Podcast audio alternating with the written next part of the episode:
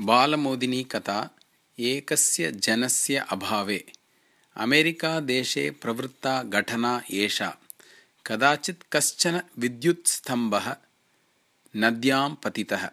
तस्य उन्नयनाय अनेके कर्मकराः संलग्नाः अभवन्। किन्तु सः स्तम्भः आसीत् अतिभारयुक्तः। अतः महता प्रयत्नेन अपि तस्य स्तम्भस्य उन्नयनाय ते असमर्थाः अभवन्।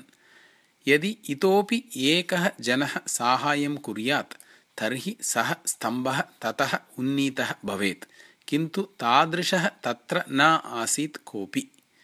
तेषां प्रमुखः केप्टन् वस्तुतः तत्रैव आसीत्। सः नद्याः तटे एव स्थित्वा आदेशप्रसारणं कुर्वन् आसीत् जले प्रवेशः मम योग्यतायाः अननुगुणः व्यवहारः इति चिन्तयति स्म सः।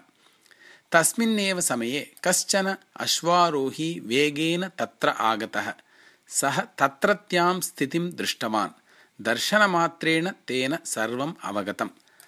अविलम्बेन सः अश्वात् अधः अवतीर्य कर्मकराणां समीपं गतवान्।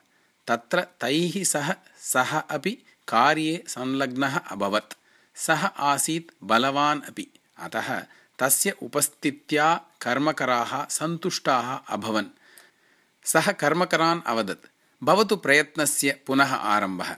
वयं सर्वे सम्भूय लीलया उन्नयाम एतम् इति।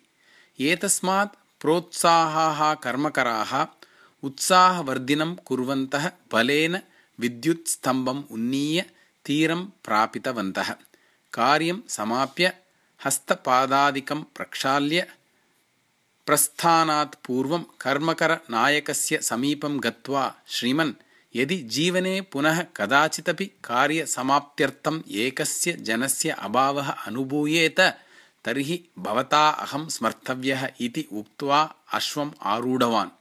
तदा सः कर्मकरनायकः आश्चर्येण अपृच्छत् आर्य भवान् कः तदा सः अश्वारोही अश्वं मन्दं चालयन् अवदत्। अहम् अस्मि अमेरिकायाः राष्ट्रपतिः जार्ज् वाशिङ्ग्टन्। एतस्य श्रवणात् स्तब्धः सः कर्मकरनायकः गच्छन्तं तम् अश्वारोहिणम् एव निर्निमेषं पश्यन् अतिष्ठत्